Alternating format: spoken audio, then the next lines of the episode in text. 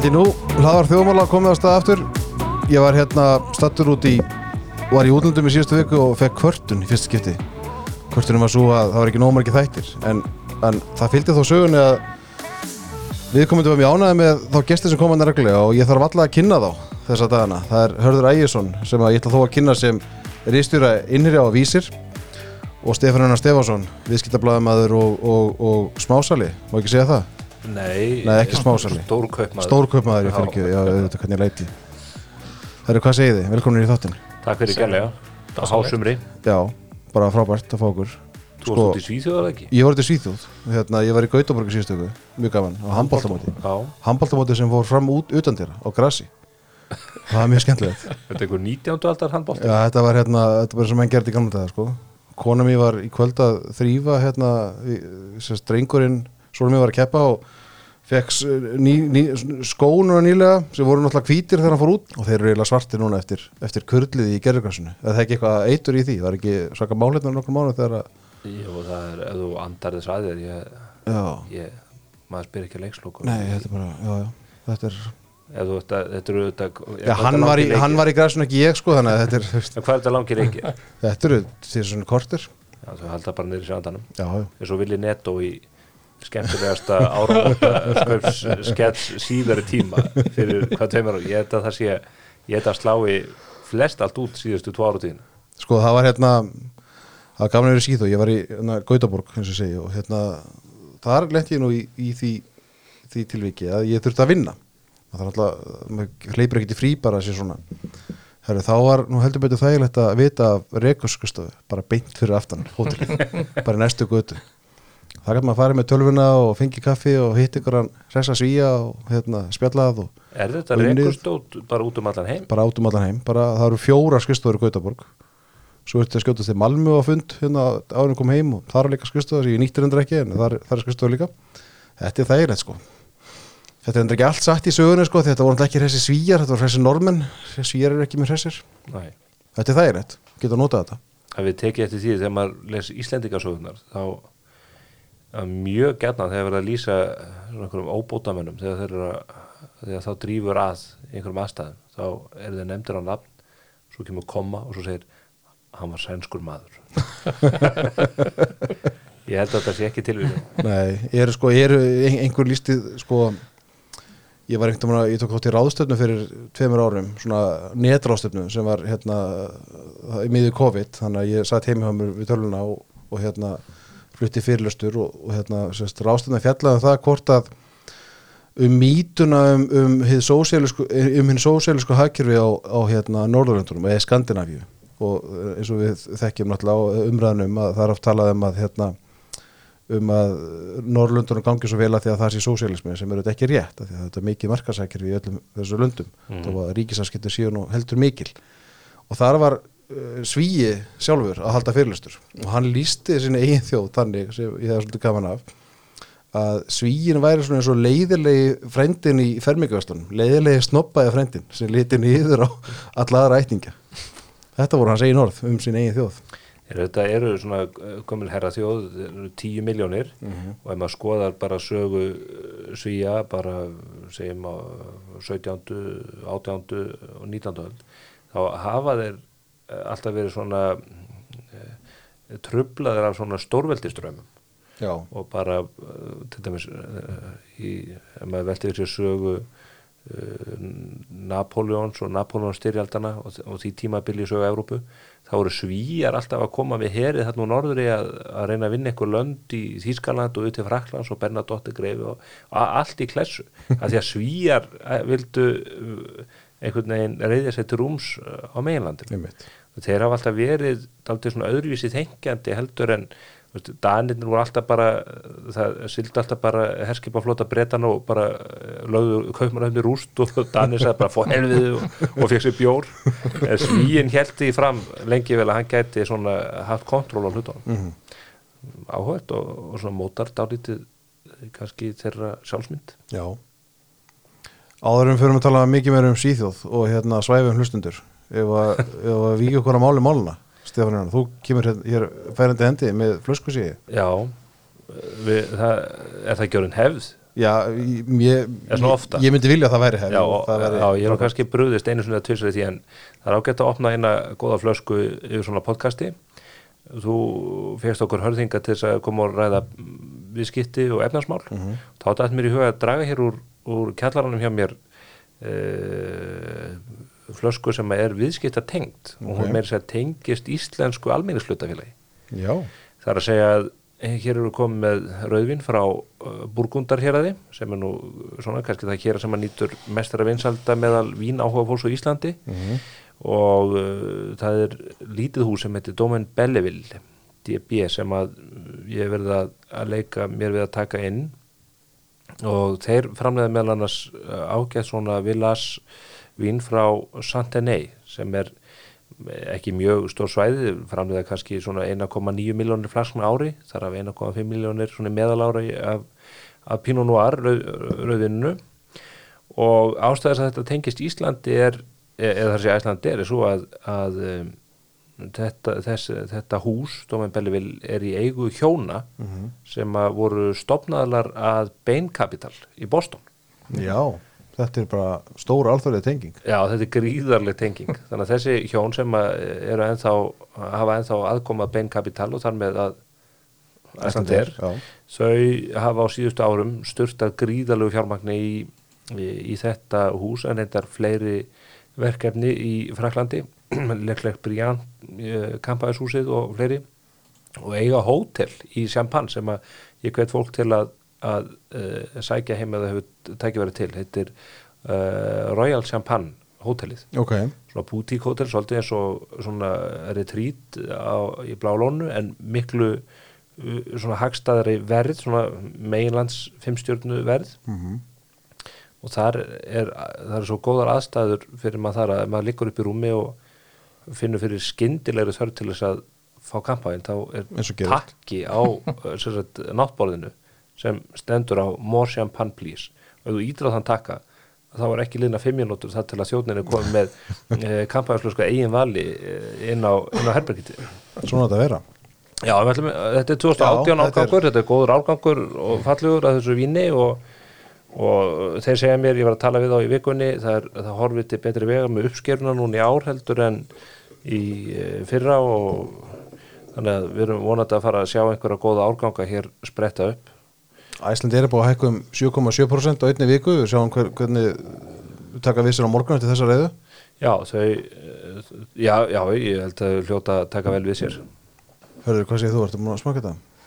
Nei, ég hef ekki eftir að kaupa þessa flasku Stefáni, Þetta er svona, Þetta er kampaðinsfélagar flytinn ekki? Já, kampaðsjöleðir, þetta er nú eiginlega svona afsprengja af innflutningi okkar á, á Filippona rauðinu því að þessi ágættu hjón eru mikil vinahjón Filippona fjölskyldunar og það svona opnaðist lítill kanal fyrir okkur. Það er er ekkit auðvelt að komast í, í góð burgundavinn í dag. Þetta er bræðmikið, Já, já, já, þetta er mjög gott þetta er kraftmikið vín.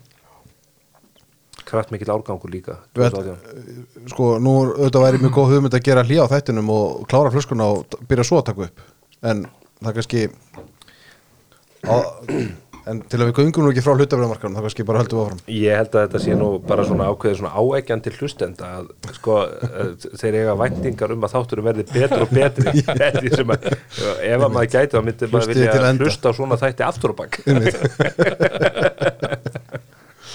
Já. Hvað segir, hvað er að byrja? Hérna, ég, ætla nú að fá að byrja. Ég hitti mann í dag líka hérna, svo ég haldi nú áfram að segja sögur. Ég skellti mér á te og kaffi og hérna hitt þar mann sem að frétti að þið tveir verið að koma og, hérna hann fór þó að rifja upp síðasta þátt okkar, þar sem þið voruð gestir og hann sagði já, er byrjuð þetta ekki mennendir sem að hérna lækkuðu hlutabriðunni í Nova við markað, hvað segir við því? Ég, við ekki á heið augljósa bara í þeim þætti hann uh, um að stendi þetta útbóð myndun ekki hefnast múnu framar sko. Já, Ég- síðasti þáttu fór frá, þið voru hérna miðan júni að hérna svona mánuður sem- síðan, rétt fyrir að nóga fórum markað en, en eftir útbúðinu lauk og þá voru við svona aðeins að gaggrina það hvernig menn kláruðu bækurnar þar. Uh, fyrir þurfum ekki að rífa það allt upp aftur en, en, en sko spá ykkar rættist eða spá, þú veist, þið svona gerður á fyrir því að, að þessi snúningur gæti haft þau áhrif að gengið myndi lækka við opnun við skráningu sem þá gerði. Já, brefin lækkuð um hvað 10% Mhm. á fyrsta degi maður rétt talsveit högg, það fór svona vind, eh, vindurinn úr blörunni mm Mhm. -hmm. hratt og hefur raun og verið haldið áfram þú veist, breyfin hafa freka verið að lekka og nú jafnvel núna í þessum hækkunum sem hafa verið almennt á markaði allar síðustu daga þá hefur hluti bara nóg ekki náð sér á stryk Nei. koma þetta inn í erfiðum aðstæðum og það er erfitt að bera þetta saman við ölgerútbóðu sem að umfram væntingar hefnaðist mjög vel í, í erfiðu eða skrýtna ástandi.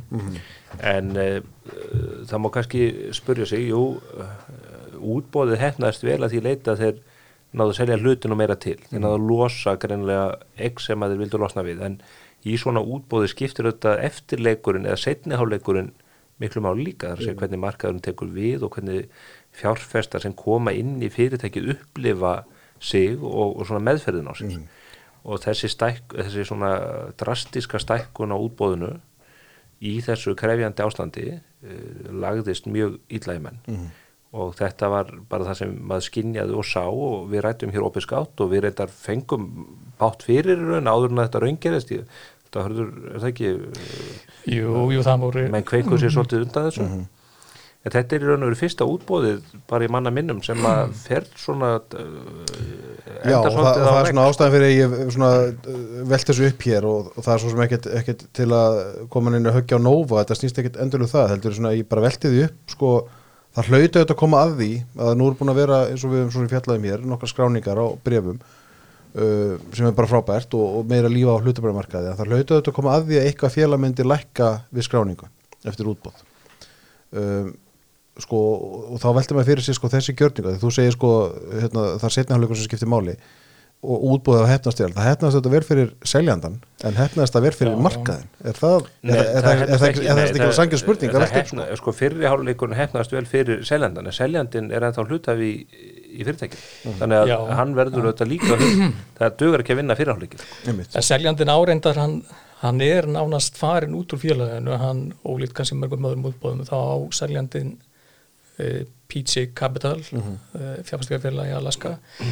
Félagi á bara eftir runglega 11% í maður rétt. Hann að uh, seldu líka hann að í atriðand útbóðsins til uh, Íslenska verbreyðasjóða stóra hlut í april og losuðu þarna mjög uh, nánast restina þannig að hann fer held í hlæjandi allarleiði bankan í Alaska.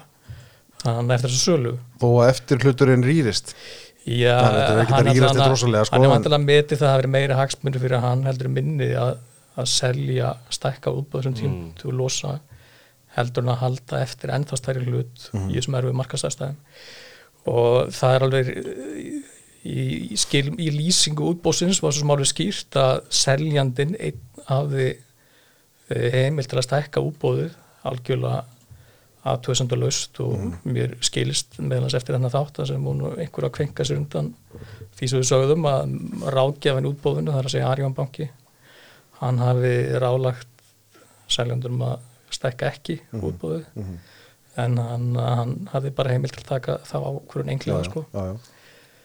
þannig að eins og við rættum með síðast þetta þetta er svona kannski óhefnilegt til ljósast hvað var stór hluti af þeim sem tók þátt í útbúðinu var almenningur og líka skilmálar í þessu útbúðu sem það sem starfsmenn Nova uh, gátu skilað en Harry uh, urðu fyrir minni skerðingum heldur en aðrir og viðskiptavinnir Nova fengur já, líka. já. það fólk sittur kannski uppi með, með spilastokk sem eh, eða spil á hendi sem það bjóst ekki við. En, um, en það, þú segir það var kannski- hlaut kannski að koma að því að svona útbúð myndi klikka. Það er ekkert sjálfgjöf, það eru ákveðni kraft það eru ytri kraftar sem að þú ræður ekki endilega við. En líkilatrið í útbóði sem þessu er að skilja einhver eftirspurn eftir á markanum þannig að það verði einhver verk, virk verðmyndun þar sem að það er spurn eftir brefum og ef þú þurkar þetta upp viljandi þá veistu hvað gerist. Já, já. þannig að þegar að seljandinn tekur þess ákvörðun þá er hann í raun og veru orkestrera þessa þróun. Og það var þess að ég segi ekki að að vera þetta að segja fyrir um þetta en þetta, þetta lág í loftinu. Já, já, allt er að velta þessum punktum upp. Já, já, og, og þetta kann að hafa síðan áhrif á setni útbóð þar að segja að fólk kannski aðeins uh, hugi að því hvernig það eða svona hva- hverju skilmálarnir eru og, og, og, og svona í samanbyrðu við ölgerðina það er fróðlegt að bera það saman vegna þess að þar er umtalsverður hlutur seldur, mikil umfram eftirspurn og menn voru að velta við sér, verður útbóðið stækkað eitthvað verulega. En þar var staðan svo að þeir sem voru að selja í fyrirtækinu voru búin að lýsa því yfir að þeir vildu helst ekkit selja sko. Þeir voru eiginlega að selja meira heldur en þeir vildu vegna þess að hafa mikla trú á framtíða möguleikum fyrirtækisins. Og það verður þetta allt öðru í sig kemistri í kringum slíkt félag heldur en þegar eitthvað fjárfyrstikasjóður í Alaska er bara sestur upp í vélina og það verður að þennja hreiflana bara að býða eftir að geta fyllt skottið af peningunum sko. Einmitt, einmitt. Já, já. Er eitthvað meira um þetta að segja? Er eitthvað hérna sem skiptir málið þessu? Nei, nei, menn, draga bara vonandi lærdum á þessu Mhm. útbúið, bæði þeir sem tóku þátt og eins þeir sem stóðu að því að Kennur að þetta fólki að, að hlusta á okkur Já, já, og hlusta á þennan þátt og svona það er það á ekki að taka við ráðum frá hvernig sem er en, en svona reynslan á að kenna fólki ímislegt Já.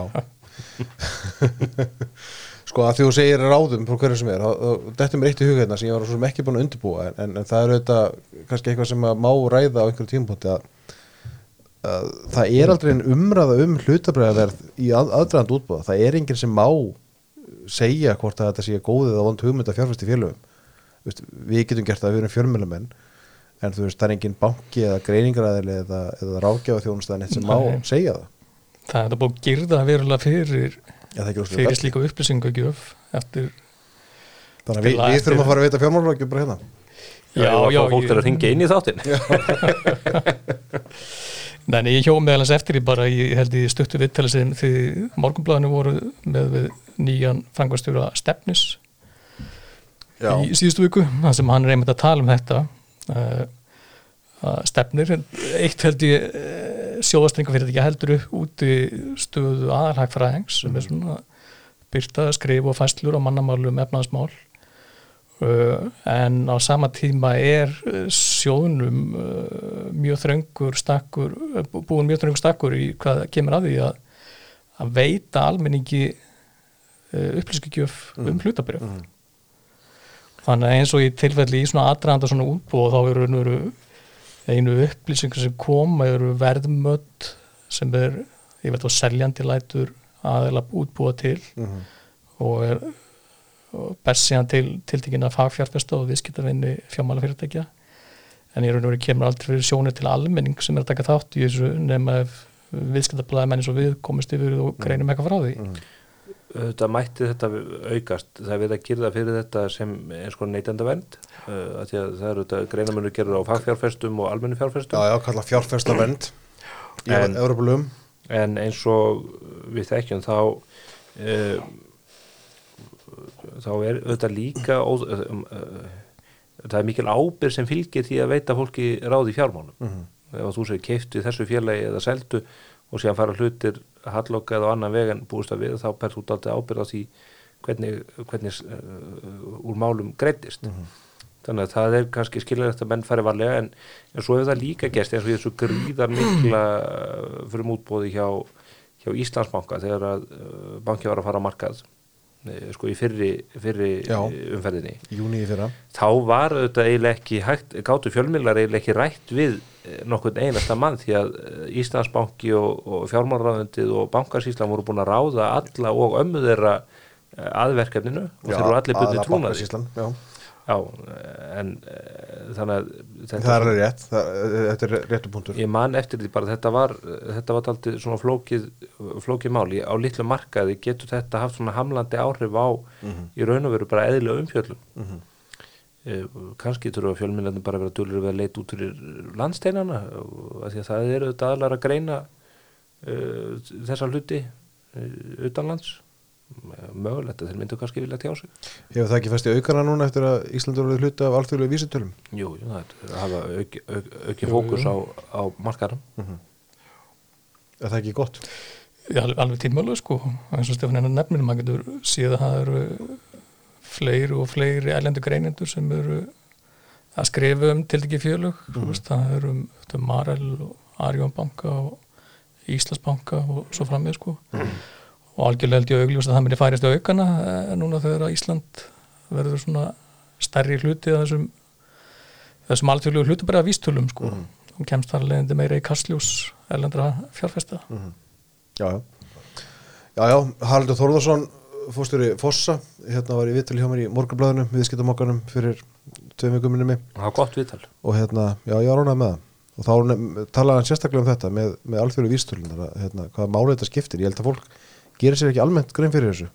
Hversu mjög málið skiptir að við séum mæld í þessu vísitölum. Ég eitt er að fá þeim þessa fjármunni inn annað að fá þessa mælistikur og fókusin og bara eins og menn sögðu með eh, stöðuna hér eftir, eftir hruni þegar þessi kröfuhafar uh, komu hér inn og gerist eigendur á bönkurmanna þá var bara til þekking á kerfinu menn áttu þess á því hvað það er mikil undirlikjandi styrkur í íslensku hagkerfi í allri framleiðslu hér og í samfélagslegum innviðum og öðru sem að þó- eru til staðar þrátt fyrir allar þessar úrtölurattir sem að dinja fólki alla daga um það, það ástandi hér sér hæðilegt og þessar aðlar glata þessari þekkingu ekki og, og hafa sem betur fyrr séð einhver tækifæri og munum vonandi sjá tækifæri á, á komandi árum bara í tengslu við orkuskiptin og alla þessa nýsköpun sem er eiga sér stað. Og gerir sér ekki grein fyrir því eins og já nú með, svo við höldum áfram vitni í einn viðtöl. Fekk ágæta menn uh, fórsvarsmenn kontrólant í, í dagmálum daginn. Og það er þetta svona dálítið dýrða ljómið fyrirtæki núna og mönnum finnst, finnst þetta mjög stórt og uh, þetta er ekkert ógnastórt fyrirtæki en það fer mjög hræð stækandi og hefur alveg gríðarlega möguleika á sínu sértæka sviði með þessa reykjanlegu mæla í, í hvort sem það er í flutningum á livjum eða öru slíku. Og uh, við erum 370.000 Íslendingar.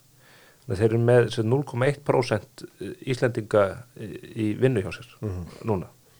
Og sennilega fer það í 0,2% innan 2 ára og 0,3% innan 5 ára eða hvað það er að þegar að veltekst til með fyrirtækið þessu tægi eins og gerist með Marel og gerist með Össur fyrir áratugum síðan og svo eru fleiri fyrirtæki núna að bætast í sarpin, Váer var dæmið það uh, uh, tölvuleikja fyrirtækin Ímis. Þá hefur þetta svo gríðarlega áhrif á samfélag okkar í, í heild, bæði bara þjóðatekjur, uh, skatteimtu ríkisins og annað að og, og þegar maður horfir yfir þetta svið núna hvaða eru margir sprotar sem eru að verða lífanlegir Keresis, stórkostlegt Já, fyrirtæki já. sem er að breyta heiminum í, í sáraðumbúða tiliti þetta er öfundsvert.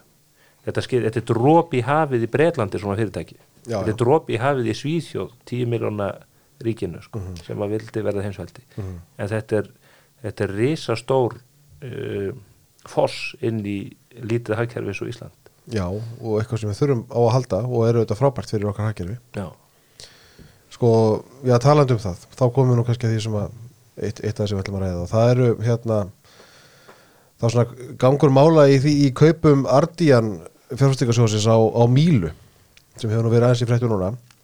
Og það auðvitað tengist þessu með það þegar erlendir aðlar eru að vestla hér á landi og fjárfæsta sko stuttasæðan er svo að Ardian gerir samning við Síman sem er eigandi Mílu um, um kaupa fyrirtekinu hérna uh, í oktober 2021 uh, málið er búið að taka núna 8 mánuði cirka, meira. Og það er stað þannig að allt í hennu gerir samkynnseftirlitið aðtóðsendið við kaupin. Ég segi nú ekki eftirlitið sé að stoppa kaupin en, en, en þau eru að tefja sam, eftirlitið er að tefja kaupin allverulega. Hvað segið þú þetta? segja okkur eitthvað, sem við veitum ekki? Sko ég, ég, ég sko, maður veit þetta ekki hvað nákvæmlega aðtöðsendur sanginsefnisins út á þessu kaupum lúta hverju núna. En ég held að það ætti ekki að koma neinum óvart að sanginsefnið sé að setja skilirði í þessum kaupum. Hvort það sé réttlega ekki veit maður ekki en svona með fórsögun og hvernig sanginsefnið hefur tekið á svona stórum viðskiptum þá held ég að við því búist að það er eitthvað skilirði uh, en það er alltaf þessi langi tími sem svona viðskipti uh, er að tefjast út af því hvernig sanginsefnið er að haga sínum vinnumröðum. Uh, það kemur hann að fullgildur kaupsanningur að borð sanginsefnins í byrjun februar þannig að sé nokkrum ánum eftir að það er snátt kaupsangumilag þannig að það eru þannig að frá þeim tíma hefur þetta verið í rannsókni á sanginsefnildinu og það er ekki fyrir fimm mánuðu síðar sem að sanginsefnildið lætur í raun og veru í sér heyra til þá e, seljandans og kaupandans og ráð, gjána sem er að vinna í því að þetta sé frum að þetta sé niðurstað frum matsins í háðum um að hann fari ekki gegn uh, nema með sérstaklega skilurum og eftir sem maður best heyrir þá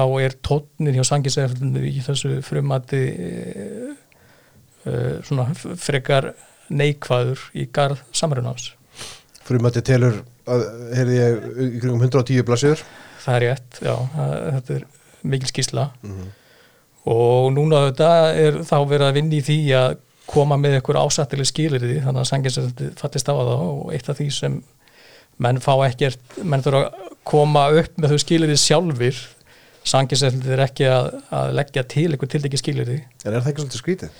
Í það hefur eitt af því sem er gaggrind út að ítrykka gegnum árunur hjá atvinnulífunu uh, að það sé ekki meiri svona leiðbeinandi tilmæli uh, hvað þetta var það og vísa í fordæmi fyrir því annar staðar í kringum okkur, Breitlandi og held í hinn Norrlundurum í Marjætt þannig að núna eru menn svona hálfpartin í myrkrunu að reyna að koma með þessi skilari og þetta með líklega tefja allavega samrunan til hvað 18. ágúst er það ekki?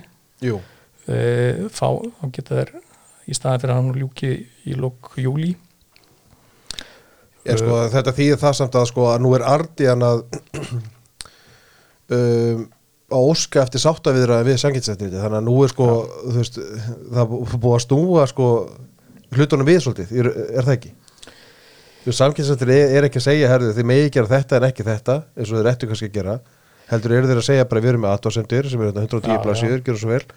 Og, og það kemur á því að, að Ardian sem er þá kaupandinn í þessu máli í þessu, í þessu tilviki þarf að koma í rauninni á njánum til eftirlýsins til að, hérna, til að ná sátt í málinu, er það, er það ofsögu sátt hjá mér? Nei, nei, það máli stilla þessu upp með þeim ætti ég meina aðtöðsendan lúta fyrst og fremst af því að sanginsætti er að gera aðtöðsend við langtíma samningi sem gerða milli Mílu og Símans eftir að viðskiptunum líkur það gerður hérna 20 ára langtíma leigu sam, samningur um millið þeirra varandi, varandi viðskiptasamband Símans við eftir það. Og sangilsesti verðist að hafa áhugjur af því, ef maður skilur þetta rétt að það verði það náið samband áfram að milli Símans og Mílu varandi kaup, heilsulu kaupa af Mílu að, að það þýði þá að s- síminn verður ekki með getu til að beina viðskipti sem til annara aðala á þessu markaði sem þá ljósleðurinn, ofnbært fyrirtæki. E, en þá má á móti segja að staðan í, staðan í dag er það svo að það er eigendasamband með símans og Mílu og öll viðskipti beinast til Mílu þar að leiðandi. Þannig að núverandi staða getur ekki verið betri heldur en svo sem mun verða eftir að viðskiptum líkur Akkurat.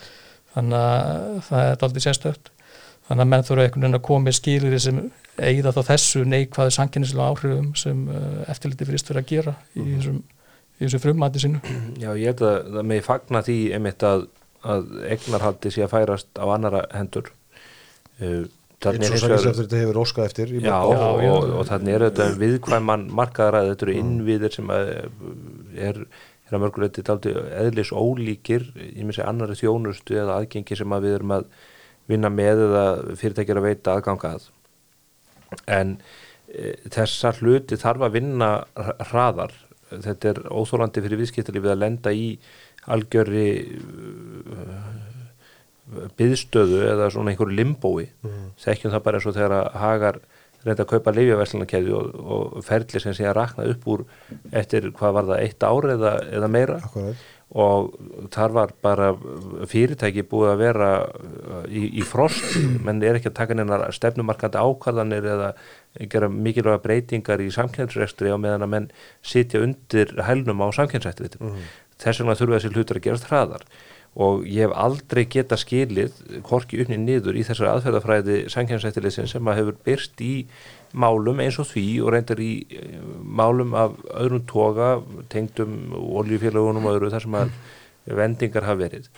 Þar segir samkjæmsrektriðið já nei þetta gengur ekki sko því að við á sterkastuði hér og okkur rannsón hjá okkur leitið hefur leitt í ljós einhvað bílastæði stikki solmi náratu ólís eða hvað það er Já, já. það hefur samkjörðsamlandi áhrif gagvart einhverri annari nýlöndu veru verslun hinn með göttuna og þá segir mér ok, og, og hvað hefur þá að gera? Og þá segir þetta já, við ætlum ekki að svara því sko, þið verður að koma með tillögur þar um sko. Og svo eru menn einhvern veginn að reyna að lesa í augnaráðið á, á áskeri og, og pálíkunar og, og, hvað þessi veru að meina og mæta svo með einhverja tillögur og, og eru síðan eins og kvolpar uh, að býða þetta í mjölkuskálinni uh, á meðan að þeir fara yfir þessu gögn og hvort að þeim þóknist þessa breytingatillögur. Ég veist að þess að eftirliti segja einfallega hér er bara stór hætt á ferð í stikkisólmi þetta bílastæði fyrir utan Ólís getur haft hér sankjæðishamlandi e, afleðingar í förmið sér og, og það þarf að skipta þessu stæðu upp eða, eða selja einhvern hluta starfseminar frægasta dæmin og sennilega þessi, þessi farsið þarna á hellu og kólsvelli þar sem að enda með því að var ekki, var ekki krónan þurft að gefa eftir vestlunarplás í Nóatún í Reykjavík út af vestlun á Kvalsvelli og, og sko Bobby Fischer hefði ekki getað fundið upp á refskák að þessu tægi sko. Hvorki lífsni í liðin. En Þetta þýðir það að, að, að Pál Gunnar Áskil geta þá sagt alltaf í fjörmjölum annar staðar, já sko þetta, þetta var ekki okkur um, þetta var þeirra hugmynd. Já, já. Og, og, og ferin af hvað, hvað sem líður þessu ferli almennt og hvernig hugmyndum er pizzan á borði þá verður þetta bara gerast miklu hraðar. Mm -hmm. Og bentu verið á eins og þetta hörður hafa verið að vísi í sko að á miklu stærri mörguðum þar sem eru miklu stærri jafnvel alþjóðlega hagsmunni að ræða þar láta með þessa hluti ganga hraðar fyrir sig mm -hmm. Þannig að þú veist, núna hann að tefa klukkan auðvitað með þennan díl og nú þegar búið að taka hvað nýju mánuði frá því að mennaða mm. samkommulegi mm -hmm. Það verður búið að finna upp nýja fjarskiptartækni þegar þetta gengur í gegn Þannig að það verður að koma með eitthvað skilir núna í, á fullu og mennu þetta vil ekki leggja sjálfu fram of íþingiti því uh, á hálfu seljandans. Það sem er lækka kaupverðið. Mm -hmm en það er þetta líklegt að það verði að lókum nýðustan mhm. -huh. að þetta verði það í þetta íþengiti skilir því að kaupverðið þurfa að lækka sem því nefnur uh, vegna þess að menn veit ekki nákvæmlega hvað þarf að gera þannig að þá kannski farið lengra heldur en sanginsrættur en að veru möndið samþykja Hvaða skilabóð sendir þetta bara til útlanda? Bara setjum við um þannig. Bara til erlendar fjárfærstar sem að hafa huga því að gera eitthvað hér á landi. Já, menn hljótu út að vera tvístíðandi þegar þeir sjá svona fordæmi, þetta eru stærstu einn stærstu viðskiptið sem hafa átt í staðan í Íslandi þegar ekki mm -hmm. bara á síður árum, 78 mm. millirar sem þetta var og þessi sjóðu sem er að kaupa, það eru þetta þekktasti innviða sjóður í Evrópu mm -hmm. og hefur komið á svona sambarlega kaupum og miklu stærri í, í mörgum löndum í kringum okkur og eftir þess að maður heyri bara á þeim sem er að vinna með þeim í þessum, þessum viðskiptum þá hafa þeir aldrei upplifað eins í samskiptu sínum við samkeppnis yfirvöld Og það er ekki merkjum gæði sko? Nei, nei, sangisælli myndi kannski segja móti að, að þeir séum lít, allt og lítinn mannskap og mm -hmm. þurfa efla eftirliti til að klára svona mál, ég veit ekki, kannski eitthvað til því en þetta er alltaf, þetta er ekki bóðilegt mm -hmm. að svona sé í stakkpúin bara trekk í trekk, þetta er alltaf og það er bara eins og eitt sem að tala við sem, sem er við þessi viðskipti þegar maður tala við síðustu viku og, og maður spurði hann hvort það væri hissa á þessum, á þessum viðbröðum sanginseftur sem skýslu og við komum til að segja nei hann hefur lært það í gegnum árin og hann segið það alltaf ég hef gert eitt, það er að býða býða og býða eftir sanginsefturlinu það er alveg sama hvað mál koma þar på borð mm.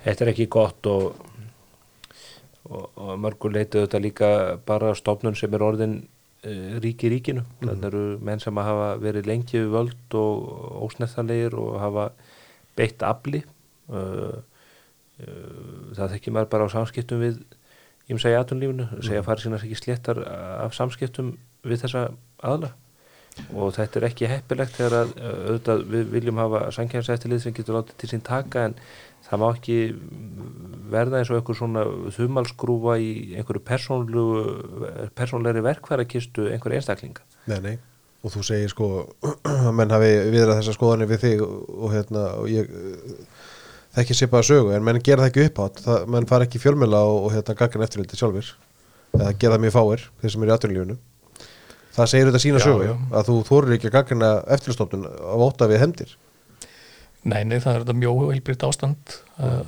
að þannig sé pottin búið en það er vissulega þannig.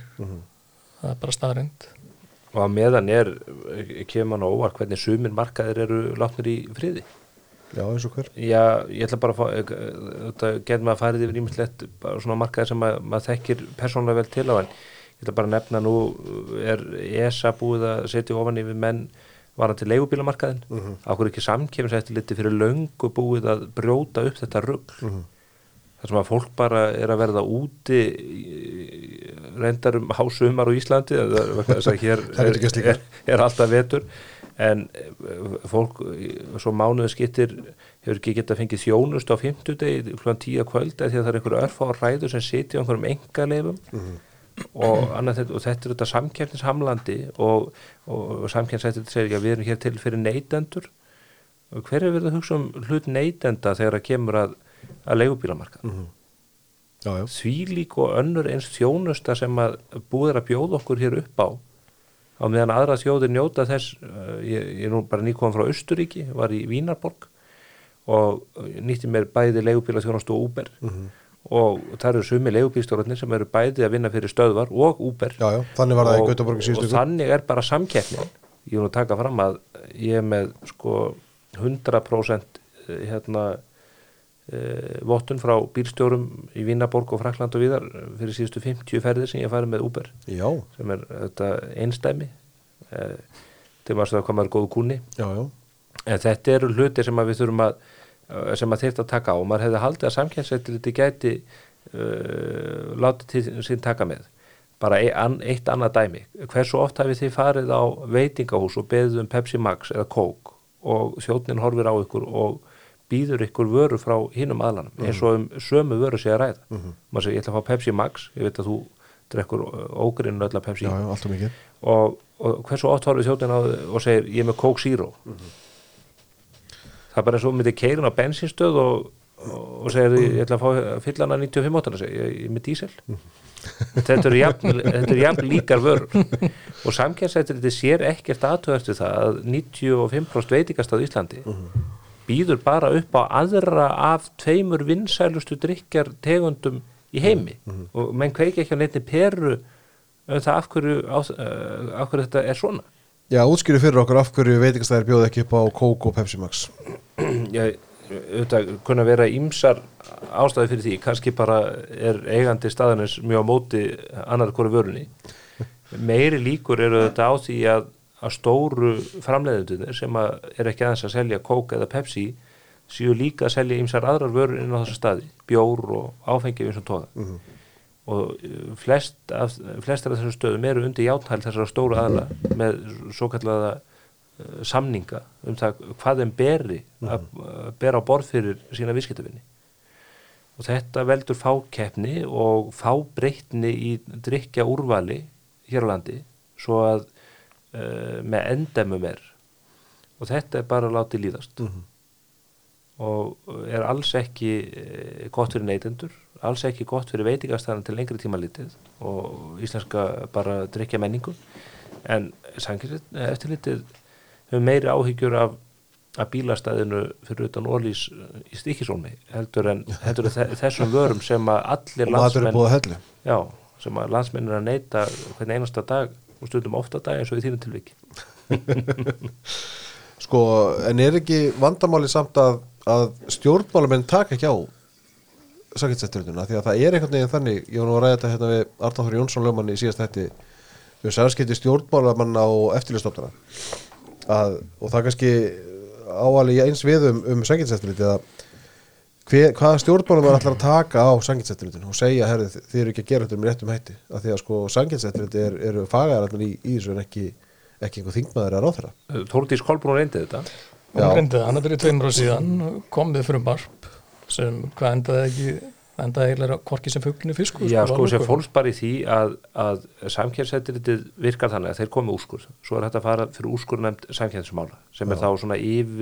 er úrskurnemnd gagvar samkjæmsættiritinu ef það er ágreiningu milli samkjæmsættiritins og þeim sem úrskurðið er um. eins og er í neittindastóra Já. hverjum svotunum Og hún vildi að niðurstaða úrskurðanemndarinnar yrði endanleg ákvörðun. Það væri aðsta valdið sem að myndi högva á hnútin í málum. en eins og staðinir í dag þá getur samkynnsættilitið vísa málum áfríða málum frá úrskurðanemdini og áfram til almenna dómstóla Mhm. sem þýðir það að ef að þú lendir í rannsókn samkynnsættilisins þá er ekki nómi að þú sitir undir því að, að þeir úrskurði og svo þurfur að leita ásjár úrskurðanemdarina sem að getur mögulega snúið við eða mildað ákvarðan eða hvað það er.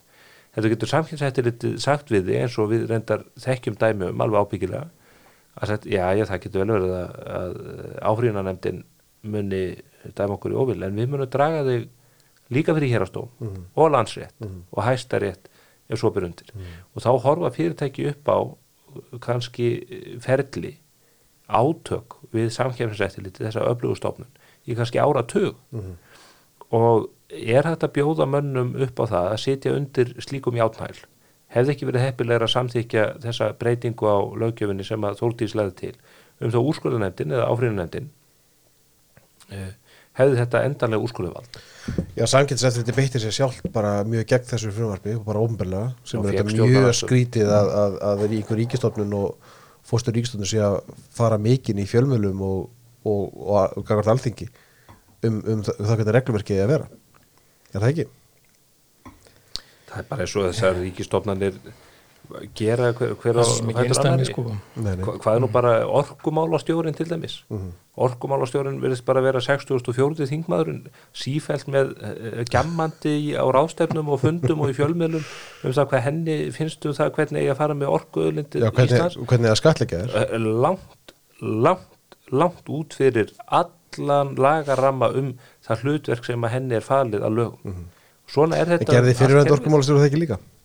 Jú, þessi áramóta pistlar, hans voru þetta alltaf skrifaður undir góðum áhrifum. En, en, og, og voru var skemmtilegt að lesa á, á nýjástag Já. en og var þetta ágættis uppbyggingar líka fyrir fjölmiðla sem að höfðu ekki um neitt annað að tala en kannski á, mis áhugaverð áramóta ávörp fósættisráður hans og fósættars en nei, ég nefndi þetta bara sem dæmi og það hvernig samkjæmsettilitið og, og fleiri stofnanir hegða sér. Annað dæmi er auðvitað átíðaferð þar sem dómstólar hafa bara bent á það eða horfa í forundran á, á fórstjóra eða aðstofa fórstjóra á TFR og spyrja hvað eru þið að vilja inn í dómsal með þetta mál, ykkur varðar ekkit um þetta þó að ykkur sé farið að selja bjór eða, eða vodka að íslensku lögum. En, en þetta fólk verður ríki ríkin og fyrir að verja eigin stöðu.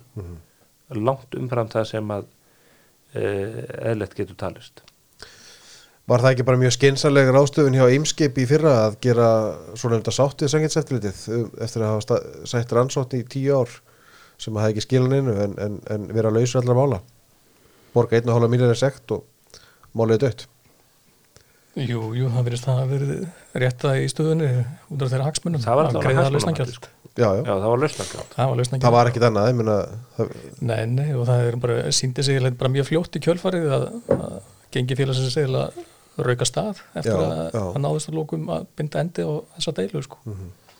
þetta er uh, ég er nú kannski daldið að hugsa upp átt en, en uh, þetta er talið um vandin í, í bandarísku réttakerfi uh, og okkur fangelsin eru yfir fulla fólki það er okkur svona ofbáslega hot hlutfall bandaríkjaman að baka við lás og slá þannig að kerfi er þannig að þú ert alltaf að semja þig frá frá verri dómsniðustöðu en já, Eh, en þeirri sem að sem að hægt er að bjóða menn segja, heyrðu, hérna, við teljum þið þó að þú eh, hafi líst í hér blákalt yfir uh, svo mánuðin skiptir og sér saklaus en sko staðin er svo að við getum þetta komið hér í þrefald lífstíðafangilsi en, ef þú semur okkur þá er það bara tíu ár. Og það þetta er ágæðis lausnagjald að sitja í tíu ár í stæðis að sitja í 300 ár sko. Og, Já, já, og, þetta eru val, valkostinir og fleiri og fleiri eh, dæma koma upp í bandarísku réttakerfi þar sem að fólk hefur eh, játað á sig sök af óta við að verða fyrir öðru verra ef að það gerir það ekki. Og við megum ekki byggja upp eh, kerfi hér á Ísland þar sem fyrirtæki hugsi bara, hefðu, við, jafnveg þó við teljum okkur ekki hafa gert neitt rátt þá bara borga sig að borga hér 1500 miljónur í ríkisjóð til að losna undan já, sem þeir gerðu. Því að svo vaknaði þetta eh, spurningin. Hversu lengi ferðu friðin Já, já, Það er eins og Stefán er nefndið að varandi að sangið sér eftir þessu orðið aldrei að ríki í ríkinu og, og e, og eina ástæða þess þetta hversu þaulsetin núverandi fórstjóri hefur verið í, í starfi fórstjóri á sangisætlisins 15 árið ekki? Ég held að hann hafi tekið við 2005 17 ár. 17 ár. einmitt. og í þessu frumvarpi sem fór í gegn eh, útvatnað varandi breytingur á lögum um samkynnsmál þá var þar ákvæði sem hafði ekki verið áður um að það er skipanatími hans geti hámarki verið tvisunum fimm ár held ég sér rétt sem var ekki fyrir áður. En það þetta náði ekki afturvirt heldur byrjaði þá í raun og verið þegar frumvarpið var.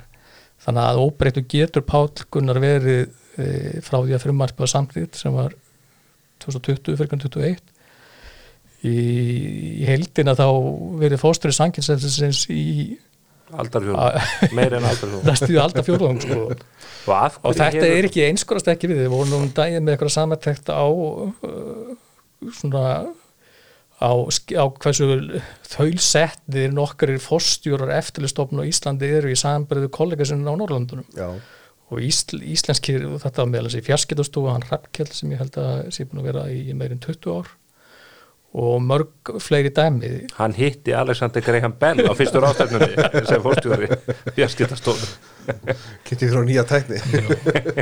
Er, þetta er þetta stór undarlegt að það hafi verið átök um þetta og þetta hafi ekki verið komið löngu fyrir í lögin, bara í ljósi þess að við erum með hámark skipunatíma á sko, umbóðsmanni barna. Það, það þykir mjög mikilvægt að umbóðsmanni barna sitja ekki meira en áratug. En, en fórstjóru sankjæðsettilisins hann auðvitað þarf að hafa bæði áratuga yfir sín yfir sjoppur ekstur á landsbyðinni og auðvitað greiðlega þekkingu á, á fjarskipta innviðum Einmitt, já, já. Og verslunarekstri á, á hellu eins og við rækki hér. Sko, vindum þá okkur þá aðeins að öðru máli ef, að þetta, er, ef, ef þetta er tæmt. Uh, í næstu viku, nei, í þessari viku fer fram hlutafundur hjá Festi. Og það er auðvitað hefur gengið ímislegt á eins og þið þekkið. Uh, það er búið að segja fórstjórunum og það voru nokkur áhald af það hvort hún hefur satt upp eða satt upp sjálfur hérna, strax frá upphafi en það er búið að fjallum þetta mikið í fjölmjölum eitt sem ég langar til að nefna þess í þessu samingja því að það er margt sem að að nákvæmst út frá mörgum vinklum. Uh, og það er kannski ef við byrjum aðeins bara á hlutverki tilnefndinganemnda þú veist að því að sko ég held að þetta mál með, með, með Egert Þór Kristoffersson fórstjóra sem var sagt úr störfum núna það tegið sér miklu lengra heldur en til þessar uppsöndar það tegið sér til þess að, að ákveðin hlutafar í félaginu voru ósótti við það hvernig tilnefndinganemnd uh, skilaði sínu skýslu og, og sínum tilnefndingum hér fyrir vor. Já. Já, til, tilnefningarnar eru svona þetta fyrir eitthvað nýjara nálinn í Íslandi. Ég sé að hausn- hausnaði fyrir að fullt hörur Já Það, það er eiginlega sprutt upp eiginlega að tilstöðlan Erlends fjárfæstingarsjóð sem var mjög umsöða mikill í mörgum félögum 2015, 16, 17 í tónum hans. Og það sem hann lagði til þess að þeir komið upp slíkum nefndum bara í hverju félagana fættur öðrum og alls það samþygt og, og það er svona eiginlega smá komið síðan að þessi hlutafi uh, seldi í raun og veru allt sitt á Íslandi skömmu síður og sagði bara takk og bless. Já. en eftir sitt er nefndirnar og eru svona misvinsælar hjá hlutuðum Lífyrsjóðin er nú sáttir við þessum endur öllu. Já, margir. Eh, þú veist, ég, maður geta alveg skilið tilgangi með þessum nefndum. Uh, það er að hafa þann í einhver leiti, þú veist það sem ég skil ekki við nefndinu og ég held að það sé alveg skipta skoðunar um það hjá lífyrirsjóðunum það er eitthvað sem hefur, eitthvað nefndinar hafa túlkað þannig ákvæðin í þessum snarsakum sem hafa að nefndina þurfi alltaf að leggja til ákkurat fimmanna samsetningu á stjórn. Og það sem hefur að horfa til uh, mismandi þekkingu og reynslu stjórnarmannina og síðan í framkvæmt hefur þetta verið þannig að hlutamar og meðan stóð sérstaklega lífyrirsjóðunir uh, sjá sér ekki fært annað heldur en að fylgja einu öllu því sem tilnefndingin nefndin uh, hefur lagt til. Þetta að dós- sjá sér ekki fært að freka bara það að taka af sér ómækju og segja við höfum það bara reglu að fylgja tilnefningar En eru þeir ekki bara sáttir við það, lífyrsjóðinir? Jú, ég, veit- ég ætla að tala við lífyrirsjóðu fleiri en einn þar sem þeim þeir myndi vilja að nefndinar myndu frekar hafa með þeim hætti að þeir myndi stilla upp segjum sjö. Og það væri skili eftir sko eitthvað svona svigrum þannig að maður kalla fyrir þá stjórn fyrir hluthafa og lífyrirsjóði að greiða aðkvæði án þess að það lítið þenn út af að fara gegn nefndinni. Og það sem er líka manni þótt með þess að nefndir að það er lögð svo það er svo mikil, lögð mikil áherslu á einhverja sérfræði þekkingu að við leggja til einhverja stjórnarmenn sem eru sérfræðingar þessu sviði í, og hort fram hjá bara mikil þess að hafa stýrt fyrirtæki að hafa setið áður í stjórnum stóra skráða fyrirtæki og síðan hitt sem manni finnst nú ágæður að segja það en þar samt að segja það að það sé líka drúur hluti stjórnamanna sem eigi eitthvað undir í félaginu. Mhm. og þá erum við ekki að tala um eitthvað vasapenninga, heldur alvöru penning af því öll almenn skynsemmir segja mann að það hlýtur að vera eitthvað sem skiptir máli. Þú horfur þetta öðru þessu reksturinn og, og tekur annars konar ákvarðanir eða átt eitthvað undir í þessu. Uh, og það fyrir ekki fræmið, sko, sérstaklega í ljósi þess að lífyrirsjóðnir sem eiga stærstu hlutina eru ekki að hafa afskipt af rekstri félagsins þeir eigi ekki að hafa, við höfum kannski síðið dæmi um að einhver leiti núna på síðkasti í þessu ekkesmáli þar sem, sem sumir lífyrsjóðallana hafa orðið hafa byrjað að hafa mjög uh, mikil afskipti að einhverju sem á að vera ákvörun stjórnar að rekka eða ráða fórstjóra en hann, hann getur rætt það fyrir ykkur eftir, betur eftir. En það var alltaf svona nýjung í þessari skýslu tilnefningum nefndi festi í síðustu viku sem að fagna í- allan í fyrsta sinn sem ég sá það að, að, og hafði það, nefnd, nefndin hafði það eftir lífyrirsjóðum að þeim þætti mikilvægt að það veldust í stjórnuna uh, stjórnamenn sem var að hætta eigin fjö Mhm.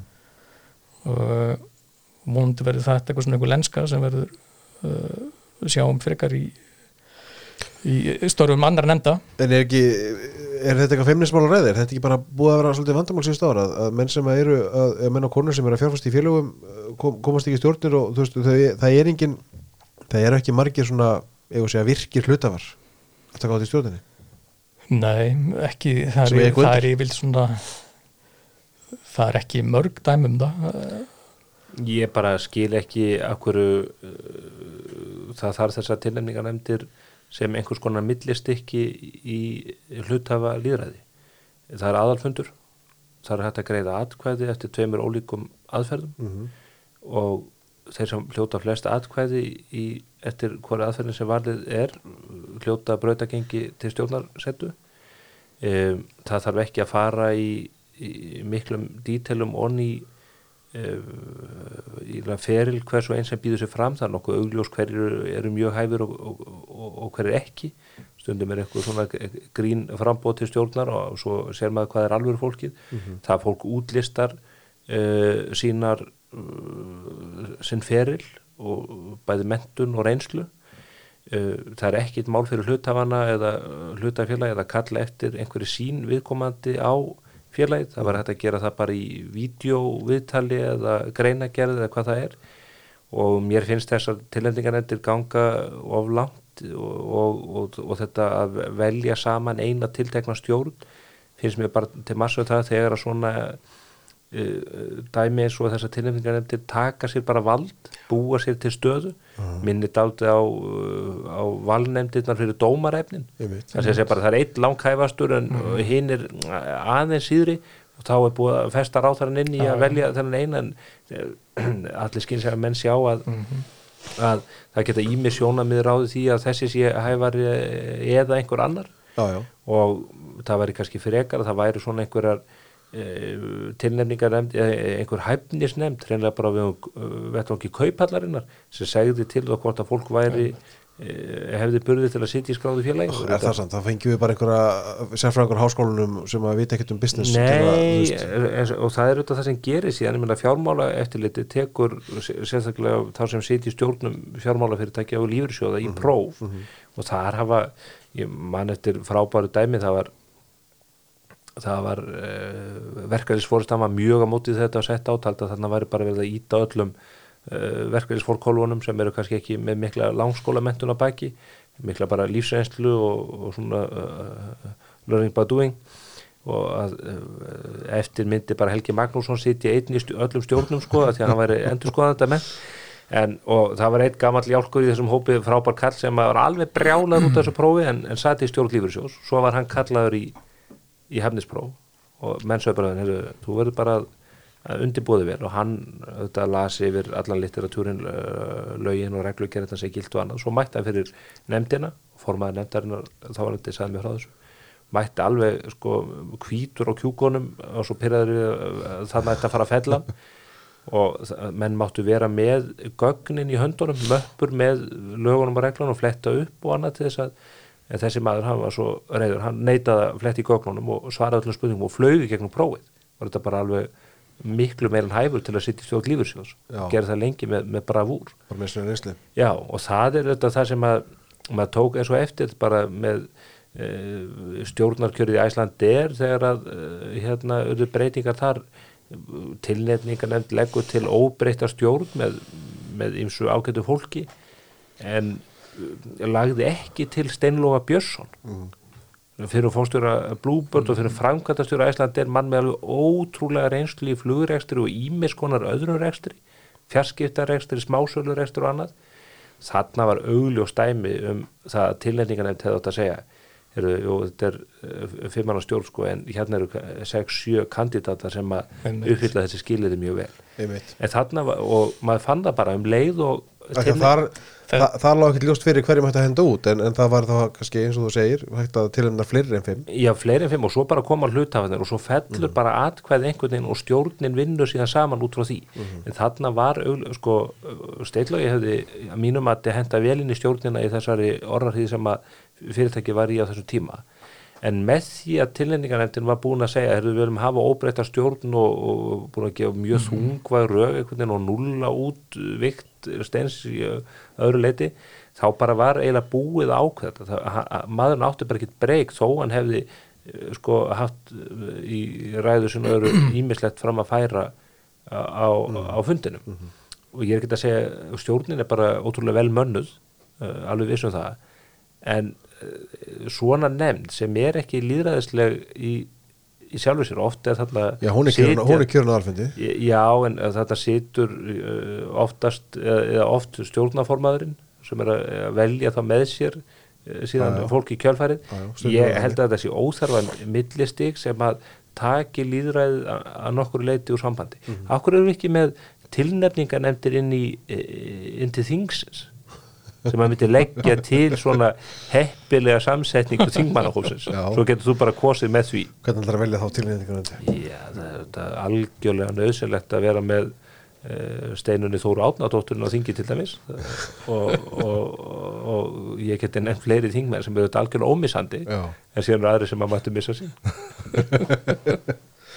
Já, en sko þe þe þetta er ekki að fara að breytast. Ég meina þessar tilnefningarnefndir eru komna til að vera Já, við erum, raunin að sjá núna kannski fyrst svona já, einhverju alvöru átök um um, já, um, um störf nefndarinnar.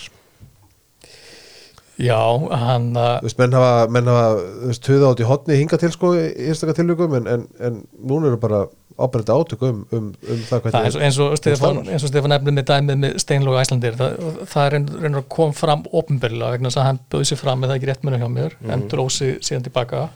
Nei, hann tapaði, bara, bara en það er, það eru síðan hitt sem eru miklu, það eru miklu fleiri dæmi sem kom aldrei fram opinberlega vegna þess að nefndinar fá fullt af frambúðum Einmitt. og síðan komast þeirri niðurstöðum heppilega fimmana samsetningu þeirra mati og láta þá hina frambjóndunar vita, þeir séu ekki þeim og nánast undartekningarlaust draga frambjóndu þá uh, frambáð sér tilbaka þannig að það kemur aldrei. Það er Og líka þetta- fyrir ekki að það eru bara fullt af fólki, öflugu fólki sem að setur sig ekki í þá aðstöðu að mæta fyrir eitthvað tilnefningarnefnd og láta nei, nei. uh, fallöksina eða sko leggjast undir fallöksina sko. Og mætið ekki, þess að sko, hel, við heldur ekki frambóðið sínu fram á aðalfundi það er ekki Nei,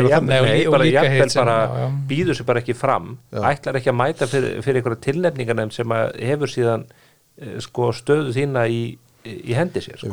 Þú er kannski með hérna, endorsement eða, stuðning frá einhverjum hlut það var sem hvetur og segir ég held að við getum aflað stuðnings við þig en svo bara lendir þú í einhverju þryggjamanna nefnd sem að getur raun og veru lift tumlinum upp eða niður Já, bara eins og já. í kólósum forðum Já, já. En þetta eins og þú nefn, ert að, að nefna gísli með síðasta aðalfund festi í ma það var þetta bara örfáði mánuð síðan að það, var skipu ný stjórn og komið tvei nýja stjórnamur inn, inn. Þar voru 22 frambúð einmitt. Og en fyrir fundin lágur bara fyrir 5 að lokum sem nefndin hafi komist að. Og þar voru auðvitað meðal hans frambjóðundur uh, sem er hverju sem er að bjóða sér fram aftur núna. Ég held að einn af þeim til að mynda Björgólfur Jóhansson Já. sem ég held að nefndin hafi ekki mælt með Nei, á þeim haf- aðalfundi. hafnaði í mars í, þessu ári bara, hann auðvitað síðan. satt um tíma í, í stjórninni 2018-19 hann saði af sig þegar hann tók við sem fórstúri tímabundi Samerja og það virtist eh, og mér nefndin í er aðeins og aftur núna í skýslunni þegar að hún er að segja að, að það virðist ekki hafa verið samstaða hjá enga fjárfæstum það er að segja núna fyrir fundin uh, hverja þeir vildu í stjórnina rétt eins og hafi verið á síðasta aðalfundi og, og það var eh, líka annar, það voru þá enga fjárfæstarhópir sem voru með tvö nöfn aðalega að, að tepla fram, það var annars vegar Björgólfur og síðan maður held í Bjarni Ármarsson að tepla fram uh, Magnús í Bjarnasinni og þá er einhvern veginn niðurstaðan svo að hálfu tilnæmdung nefndarinnar að það sé ekki samstað í hópi enga fjárfæsta hver yfir þeirra fulltrúi einmitt, og þá leðandi er hvoru þeirra sem er mjög skrítin útskýring Og hvort er þá líðræðislegra líka að bara að frambóðin í, á fundunum í mars eins og núna komið bara fram. Já. svo séu bara greitt atkvæðum það. Einmitt. og síðan bara þeir sem að fái fimm, eh, þeir fimm sem fái flest atkvæðin þeir setja þessi stjórnir og hinn er ekki. Og það er alveg núna er að vera komin að þann stað sko. Út Já, af þessi atbyrða sem búið að vera síðustu viku og þá einhvern veginn e, og skýsla tilnefningin þegar hann í síðustu viku er bara mjög fín lesning. Og hann nefndinu þetta bara er einu veru segir það er það mikil átök og skipta skoðanir og þá þetta eina rétt í stöðunni. Já, það, þá, þá tilnefndir sko nefndir nýju, manns í stjórn. síðan, síðan kemur á daginn að það eru ennþá fleiri í stjórn. Þar er með dæmis Hjörlöfi Pálsson sem hefur nú setið í mörgum tilnefndirnefndum sjálfur. Hann gerir það, situr tilnefningin Æslandir og heldur líka hjá sín það sem er stjórnaformaður og nefndin einmitt í skýslinu sagði, ok, við ætlum að tilnefna þessi nýju, en er samt raun og veru með mjög svona bara ákall um að hvetja samt aðra til að bjóða sér fram sko, þótt hún sjá sér ekki fært að mæla með Þetta er orðin einhver skrýpalegur sko. Já, meiri skrýpalegur heldur en þessi rauðvestri ekki okkar hérna sko.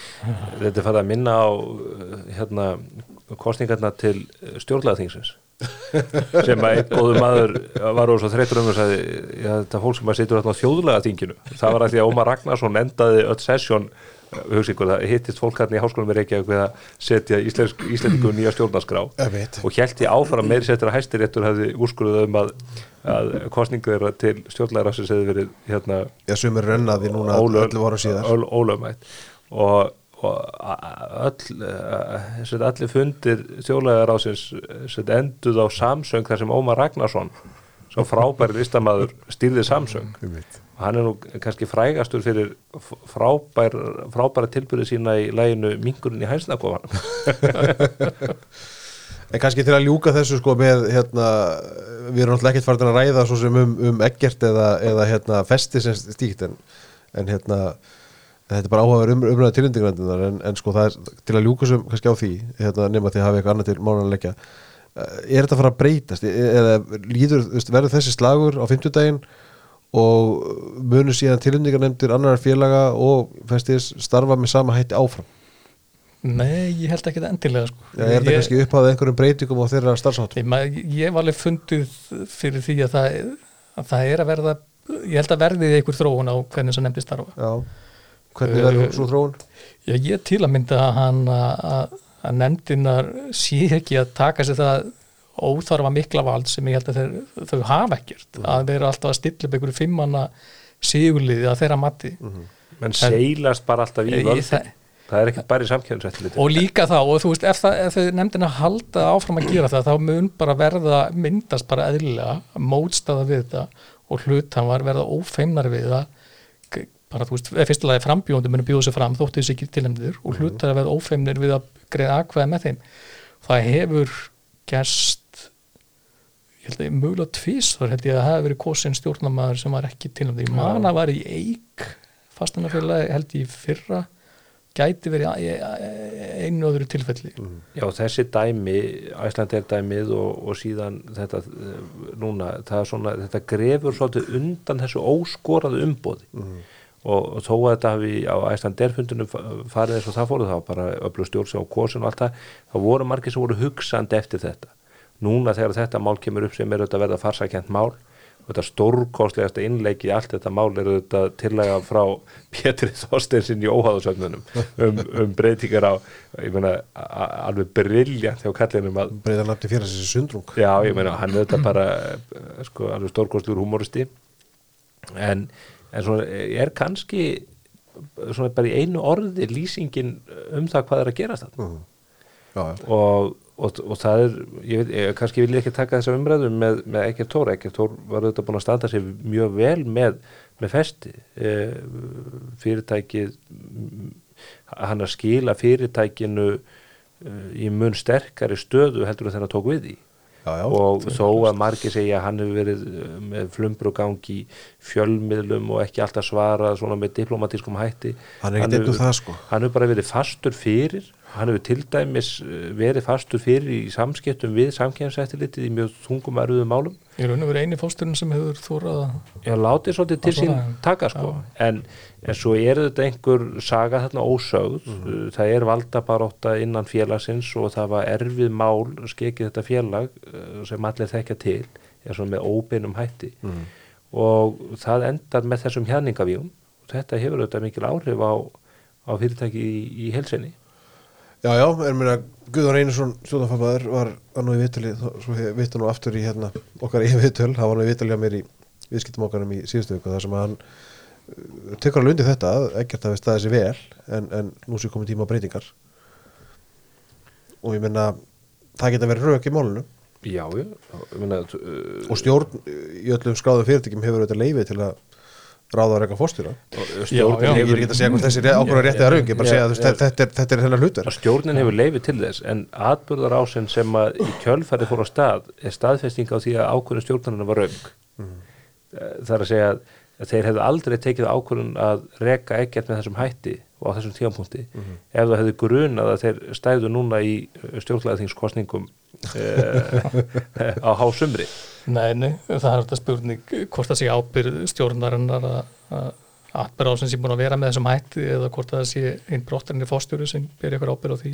Já, það er þetta, hann auðvitað gerir það einhver leiti hann gerir það er. þetta hann auðvitað fer mjög hratt í stóra hluta hana og, og, og er ekki sáttur við líktir og segir að það hafi verið staðið að þessu með öðrum hætti heldur en uh, mátti skilja í tilkynningu kaupallarinnar þótt að mínu við svo tilkynning var ekki ólík öðrum tilkynningum sem hafi verið sendar til kaupallarnar þegar eh, var það starfslokk fórstjóra Nei, nei, þegar menn komast að einhverju samkomulagi um Þannig að hún er efnislega er hún þetta rétt í þeim skilningi að það er þetta, hann, hann er búið á fund og, og hún er tilkynnt óvænt, hún er sjálfum og ég held að öllum á markaði og fjárfestum það átti ekki vona á því hann er reikin sem er kannski ólíkt uh, fyrri tilfellum síðislega ár það er eitthvað reikin, það er alltaf verið eitthvað rúmar og, og gengi félagsins ekki verið eins og menn hafi búist við og svo framvegis mm.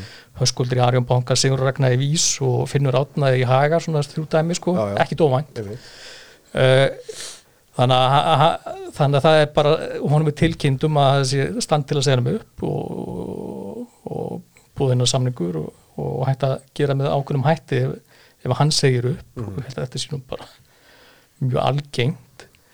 En hann fer út að beint í hlutafanna í kjölfarið og hann uh, og segir ekki farið sinni slettar og það verið ekki og þá hefst þessi atbörður ás og stóri hlutafar alveg skiljanlega uh, virðast vera óanaðir með það að hafa ekki fengið raun og veru strax skýringar á því af hverju hann var rekin, mm. fósturinn ég er ekki, kannski ekki vissum að menn hafi verið að byggja um það áður um að senda kaupallunar tilkynningin, það, það er ekki heimilt. Það áttu svona flestir á því, held ég. Og hann uh, kannski, ég vissum að eh, nú var þetta stjórn sjáu kannski eftir því ekki hafa ekki staðið betur að því að hafa sett sér í sambandi við það og sumir lífyrirsjóður hafa síðan bara í kjölfarið verið mjög afgerandi í samskiptum sínum við aðra hlutaf og stjórnumennum að þeir vilji gera mikla breytingar á stjórnunni og það er það er ekki algengt mann ég eftir í, í skráðum félögum síðsleina ára að lífyrirsjóðunir séu svona í svona dæmi þar kemur að því að að svona í raun og veru eitthvað sem lí- lítur að rekstri félagsins sem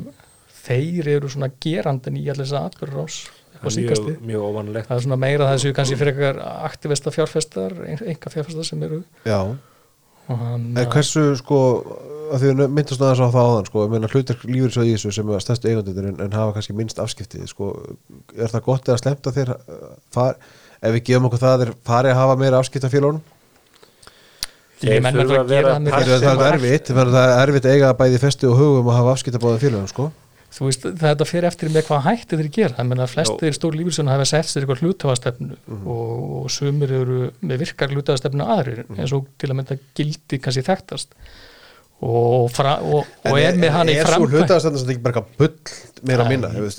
Þeir, gildir er einmitt búin að vera að funda með skráðum félögum og fara yfir Já, umhverjasmál og jafnleitismál og, allt mjög valit mál til að fara yfir sko. en er það ekki bara til að kofera sig sjálfa og einhvern veginn svona geta klukk, Nei. tikka þér eftir bóksi Nei, Ég ég er ekki. sammála þeir eru ekki að ræða um epitu eða reksturfélagana það þeir, eru að ræða um væri miklu, sko, þeir þurfa að vinna þessa vinnu en það væri miklu betra að þeir gerðu bara eins og norski olíusjóðurinn og létu eh, sko, þegar þeim væri, er verulega misbóðið eins og hefur gerst í ákveðnum málum e, átökum eh, um til þess að í skeljungju annað. Mhm. en maður láti finna fyrir sér bara með því að dömpa brefum, Mhm. bara eins og norski oljusjóðun hefur gert, frækt dæmi þegar að Volmart var að brjóta á mannréttindum starfsmanna sinna og, og þeir sendu frá sér skýslu og vörðu við og svo við ætlum ekki að fjárfæsti í fyrirtæki sem gerir þetta og annað í þeim túr svo bara Og hlust, ég- hlustaði Volmart ekkert, held bara þeir væri eins og íslensku lífursjóðunum myndu bara ekki gera neitt. Svo bara uh, sko, settu þeir Volmart held ég á svartalista og seldu svo brefin og þetta fór bara í, í fyrirsagnir allra viðskiptanir í heimna, bara norski olusjóðun bara seldi sér bara er út úr Volmart í einnig svipan. Sama, gerir, sama gerir gildu þetta í Brím eftir að hafa átt í deglum við Guðmund en, en það, það sem gerist þarna í Volmartæfinu var að bara sama dag og þeir seldu og þetta fór í fjölmennu, þá kom bara sendi herra bandaríkjana inn á kontor hjá norska fjármálaráðranum sem að heldur á, á stjórnarmálefnum norska ólisjósins sko fjólublára reyði yfir því að þarna verður við að ráðast á fyrirtæki. Og, og þarna fundum menn fyrir því að, að norski ólisjóðurinn sem að eh, á í summa stærstu fyrirtækjum heims mm. umtalsverðan hlut, kannski 1,5-2% að, að þegar að menn láta finna fyrir sig svona þegar þeim er algjörlega misbóðið og ekki er á þá hlustað þá eh, geta þeir eh, með svona lempandi hætti og kurtislegum hætti láti vita að þeir mun ekki láta bjóða sig hvað sem er já, en þannig munum við sá að þeir voru búnir að koma einhverja skoðun áður sem var ekki fyllt eftir. Já, já, og, Ísling lífisvöldin er ekki, er ekki að Jú, því nema Gildi sko. hefur einmitt gert það. á komið með tillögur það hefur nú mikið verið tengt uh, starfskjærastefnu fyrirtækjana í gerð tíðina og mm. rekur sig kannski 7-8 ára aftur í tíman en svo eru fleiri mál sem að geta verið uh, annars eðlis þar sem að sjóðunir geta látið til sín taka. og ég vil bara að þessi lífyrsjóðir geri það en uh, sko með skinsanlegum hættu og alltaf með sko hagsmunni sjóðsfélaga að leiðaljósi og það sé eitthvað svona fyrirsjáleiki í hvernig þessi stefna er háttu Já. hann að er svo fyrirsjáleiki til staðar í dag? Já, ég hef eins og með sjóðanum, í þessu tilfelli sem að ræða með festi þar og atbyrðan sem er gangið síðustu vikur, hún er svona aðeins furðulegri sko. Þetta er mjög persónuleg líka og annað og, og, og svona hlut, ítreka það, það er kannski þarna hlutir þetta sem að ekki eru upp á yfirbólunum, maður veit ekki um eða eru þessi eðlis að uh, maður myndi ekki ræða í, í að virðulegum þætti og þessum. Nei, nei, nei, nei og en, en þetta samt ástæðan fyrir ég fór að ræða þetta var, var sko, snýst ekki bara um ekkert eða, eða festi eða framtíð festis heldur bara þetta hlutverk bæði lífyrsjóna sem eiganda sem minn, hvað hlutverk minni hluta var hafa og þessar tilhendingarnendur sem við höfum rætt svo sem hér sko, að, hvort það sé eitthvað að fara að breytast í þessum málum eða hvort þetta sé bara orðið einhvern veginn svona veist, er, er þetta upphefað einhverju nýju? Veist, ég áttum ekki á því sko, ég ekki að segja að það sé en landslægið er að breytast en við vitum ekki alveg hvernig það mun breytast. En það, þarna er einhver reyfing og ég held að tilnefninganendinar muni að hugsa sinn gang. Eða ég vona að hugsa sinn gang með þetta.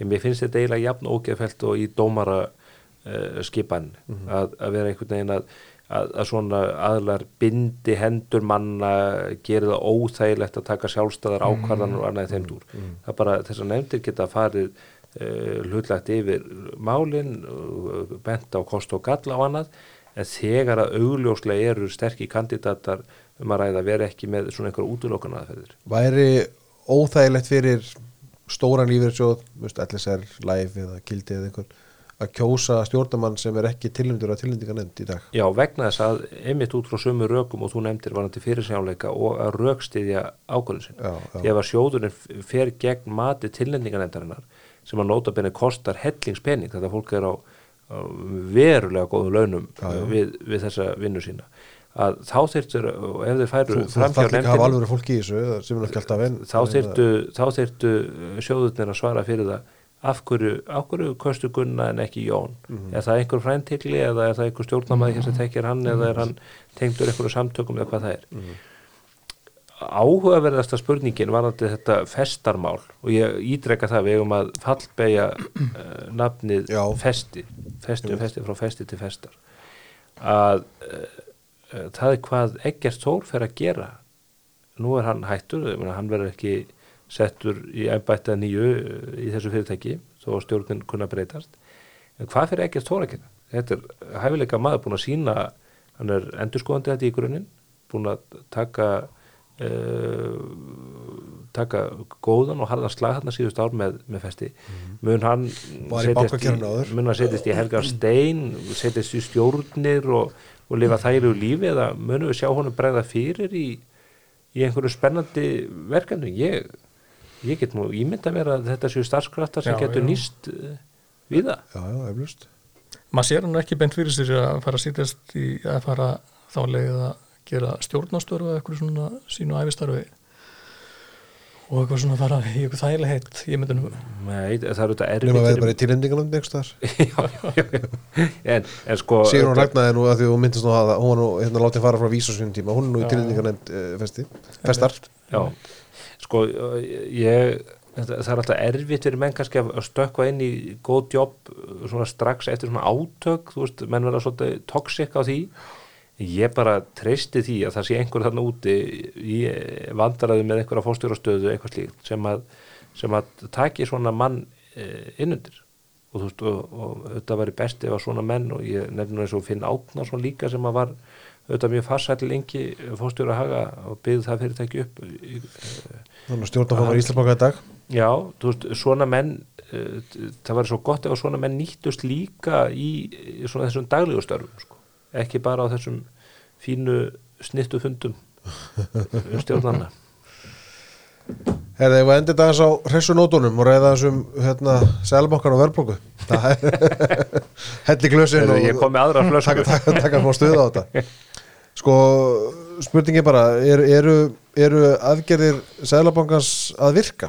Eru, eru stýrivastahekkanir að fara að býta og það var snemt að segja um það sko en nú var Íslandsbanki að senda frá sér verðblóku spá í morgun þar sem spá 9,3% verðblóku fram í út oktober og telja að verðblókan muni lækka þegar líða fyrir á veturinn ef maður þetta er rétt sem er ekkit, sem er ekkit ósennileg spá þú veist, íbúverður að hækka einhvern verðbólka er ennþá mikil það eru sumarútsölur sem að vega eitthvað á móti en samt ekki þú veist, halda ekki eftir af hækkuninni.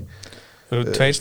auðvitað hækku við sumarið eðlilega þú veist, þetta er tveir stæstu þættir sem að það driði verðbólgu að fara með húsnæðismarkaðurinn og maður færði á tilfinninguna að hann sé að toppa það eru alveg alls konar vísbendingar um það að það sé að fara að kólna mögulega snögglega á þeim markaði. Ég held að hann sé nú þegar byrjaður að Já, og maður er er byrjað það maður að er gera að sjálfkrafa eða er það út af aðgjörnum selabankans aðgjöru sælabangast tvímálust maður finnur fólk er ekki fólk á erfið með að standa þess greiðslumat. Mhm. uh, maður finnur þetta aldrei gúmiliktin á veginum. Ég, ég held að það sé ég, held að nýjasta vaksta hækkunin og ákvarðanir bankana um hækkun óvettriður að vaksta ekki síst í kjálfarið hafi verið dálítið dálítið vekjara klukka fyrir marga og ég held að það sé að þingjast mjög róðurinn í sölu uh, ímins að eigna ekki bara í, fyrir fyrstu kaupendur sem að þetta aðgerið selabankars með því þetta maður hætti átt að taka á. Ég held að þetta sé líka farið að smitast inn í eignir svona pluss 100 miljónur allavega. Fólk sem ætlaði að stakka við sig. Já það sé fara úr hæðinni í parhúsið eða embilshúsið þá er það orðin bara mjög stór biti og það er líka hlýtur að spila inn í og ætti að gera það þegar þeir eru byrjuð umræða í fjölmjölum og fólk er byrjuð að lesa e, viðvörun orð. Það ætti allan að lesa sem viðvörun orð frá Sælabankunum að Sælabankin er farin að, að tala um það sé orðin vísir að ból og eignamarkaði og það geti verið orðið bara uh, snögg hemlun á hækkuna fastanverðu og í sinni kjálfæri bara raunvist lækkun. Og við sjáum það bara þegar við lítum til uh, til íbúaverðs og höfbökkusvæðinu í samhengi við bara hefðbundna efnaðslega þætti. Til að mynda svona sá sem algengist er mælikværin að líta við vísitölu launa. Í dag er það á sama stað og í september 8. 2007 og hefur aldrei verið að herra Mhm. Eh, þannig að það hlýtur að vera skýrasta vísbendingin að við sem hann álgast og búin að nálgast eitthvað topp. Og síðan þetta hitt var þetta verðbólguna þetta sem hefur verið dreifað fram er, innlend, er, er innflutt verðbólga út af Já. ráður svækkunum og það hefur orðið talsverð lækkanir á ráður verið út í heimi. Sjá hann til að mynda eh, svona, sam, sem mun skýra sig hingað í haust, setja í haust. Já, við sjáum að svona rávoru vístanir á Bloomberg sem inneldur nokkrar uh, uh, nokkrar vörur, rávorur uh, hún er komin á sama stað í dag og var fyrir innráðs rúsa í Úkræðinu þannig að við sjáum að er lækkun áluvers og oljuverð upp á síðkastið og, Já. og fleiri vörum timbri og þannig að vonandi erum við að nálgast eitthvað eitthvað endapunkt, hvað þetta var það svo ég takja hans boltan uh, áfram sko með, með innlendalhutan sem að er það sem að við er stendur okkur nær heldur en innhlu, þar sé innhluta verðbólgan eitthvað sem að við tökum bara í fangið uh, sama hver- hverju dinu, við bara borgum þá oljuverð sem að heimurum býður upp á. Já, já. þar sem við erum ekki rafbíl. Og uh, það sem að maður sér með uh, sko eila fastegnamarkaðan og aðgerri selabankans, ég veit ekki hörðu hvort að þú og, og, og, þú gíslið líka takja undir það með mér uh, að mér er þótt selabanki vera dálítið svona já, já hún er setjandi brugðið yfir því hversu lengi skilabóðin frá honum hafi verið að síast inn varðandi vaksta hækkannar úr 0,75% og upp í 4,75% í, og önnur aðvörnórð hversu langan tíma þetta tók í raun og veru til að hræða fólk frá því að halda áfram í kaplöpunu hverja íbúð og, og, og í ástand þess að þótt, fólki þótt eðlilegt að selja íbúð einni viku sko, ef það tók meiri viku þá bara uh, var fólk undrat á því. Er það ekki bara því að það eru svo margir sem að er það ekki bara því að það eru margir sem eiga nógan pening og það býtur ekki strax? Mm, ég held að sé líka það býtur á þá sem eiga minni pening og ungd fólk sem á ekki þú veist, hefur ekki baklandi fóreldrum eða eitthvað álíka ég held að þetta sé líka bara eins og þú horfir á við bara höfum alltaf gott. Já, þú horfur á hvort sem það er 100 eða 400 metra hlaup á olimpíuleikum að þá er hlaupið mælt í 100 og 400 metrum. En hlaupararnir þeir hlaupa lengra sko. því að það tekur svolítið tíma að stoppa sig. Það er oft svona dýna á já, sem þú já. þarft að, að hafa til þess að, að draga úr hraðanum. Og ég held að, að það sé bara þannig. Það, að það er skemmtilega að vera á markaði þar sem að þú getur keift og ert að gýra þetta upp og stækka við þig. Og það tekur tíma fyrir þessar uh, þessi skilabúð að síast inn. Uh, ég held að ólíkt fyrri ákvörðunum Sælabankans fyrir þessu ári þá hafi 1% stýravasta hekkun núna uh, í liðnum mánuði. Og, og fréttir af verðbólgu sem að núna slæri 8,8% ég held að hún hafi haft eðlisbreytingar á markanum í för með sér. Já og kannski líka væntingar um herri stýrivesti, ennþá herri stýrivesti einmitt. Já, ég held að það hafi líka Já, já. Það, það, ég held að það hafi skilað sér núna um mitt sumar þegar að það kemur svolítið skörphækkun og í rauninni það sjá það flestir að vexti mun að hækka meira sko. voru mjög margir foreldrar sem eru með 30 að krakka heima á sér, ég þekki marga í mínu næru hverfi í þeirri stöðu sem hugsuðu ásker í Jónssoni e, þegar þú þörfina eftir viðtal í dagmálum þar sem hann sagði já við ætlum að neyða þessi börn til þess að búa lengur heima þannig að þau verða sennilega ekki komin að heiman fyrir nú ferdugt eða þá foreldrarnir farið að heiman og bara inn á hjókunaheimili það, það fara snúast við. En þetta er svolítið eins og sko, það- það sem er rauninni búið að gerast er að hótanir áskis hafa raungist núna. Já, já, veist, þetta er bara sem með börnin sko. hérna, þú hættir ekki að gera þetta þá ger ég eitthvað sko, maður er alltaf að hóta börnunum sínum. Já, ég ger það allan, ég veit ekki um ykkur en hérna, óttastjórnun er alltaf að virka en svo stendum aldrei við hótar hennar sko sem er ekkert endilega gott uppfyldi en sko er þetta ekki ásker auðvitað, ás, ég tala um ásker hann er farabóti fyrir þetta en, en hérna veist, hann er búin að vera að senda þessi skilabóð eins og þú segir í, í svolítið leng, langa tíma en nú er hann búin að sína að honum er alvara Mm. Og, Já, já, hann, hann líka þurfti á því að halda í upphæfum ásins þegar verðbúkan var á mikil siglingu að, að þurfti raun og verið aðeins að endurheimta aðeins glutra trúveruleika selmakans eins og selabankar heim, Um bæði víðum heim. bandaríkjunum og sérstaklega í bandaríkjunum auðvitað og Evrópu þar sem að menn vannmátu það hversu hratt verðbólka myndi tikka upp og hversu Já, er þetta að segja, er, er þetta að segja eftir á, á þess að með einhver eftir á speki að Selbankin hefði þetta að hækka vexti hraðar og Já, breðast, breðast fyrir við? Áskir hefur bara sjálfur við ófeimur við að viðkynna það oftar en einu sinni viðtölum að, að, bankin hefði eftir að higgja átt að, að hækka vexti fyrr. Já, já. En, hann en ef, að, ef að það gerist núna eins og þú ert að segja hörður, með mm. ráfuruna sem að er að gefa eftir og heimurinn hann stabiliserast þrátt fyrir þessi hryllilegu átök í Úkrænu þar sem menn læra að lifa með þessum hryllilega veruleika þar sem að rúsar ganga á svona fram. Og vonandi reyndar að þessar nýjustu hergagnasendinga bandarækjamanna muni nýtast í að halda aftur af þeim þannig í suðurlut Úkrænu en uh, þar sem að rávaran gefur eftir og lækkar. Ef að húsnæðismarkaðunum kælist rætt núna þannig að það verði bara mi- minna um að vera þá, þá kemur það að sjálfsögðu illa við e, fastegnasaluna sem að fá minna þóknanatekjum. En að öðru leiti heldur Íslands samfélag verði e, e, í betri stöðu. Mm. þar sé að svo lengi sem fólk lendir ekki vandrað með aðborgarnar lánum uh, eigna myndun verður auðvitað hægari en við höfum í þessu ástandu öll haga á því að kæla þetta vel niður. Mm. ég ætla að spá því að það takist núna eh, í ágúst uh, þar sé júlimælingin kannski stabilisering ég held að í ágústmælingunni munum við sjá verulega breytingar uh, varandi húsnæðið. Og þegar það er komið í höfn þá verða menn að fara að beina sjónum sínum að kjara samningagerinn í höst Já. þar verða örfáir einstaklingar í kjör aðstöðu til að eyðileggja þetta allt fyrir okkur. Og almenningur einstaklingar sem verður mjög líklega til þess. Já, já þau munu allavega uh, fara svona út, að, út að brúninni í þeim efnum. en við almenningur í landinu launþegar, atvinnureikendur uh, bara já þjóðfélagið í breiðum strókum verður að setja þessu fólki stól, stólinn fyrir þetta og segja við erum að kæla húsnæðsmarkaðin við erum að reyna að kæla verðhækkanir í tegslu við innflutu verðbólkuna að menn halda aftur af sér í þeim efnum. Og þið verðið að halda aftur af ykkur í klórulusum kröfu gerðum varðandi launahækkanir. Og Ásk, mér er bara briljant í þessu viðtali fyrir nefndu mínu við Ásker Jónsson. Hann sagði svona nánast eins og í framhjálaupi lífskeiði verði ekki tóstuð upp úr hatti.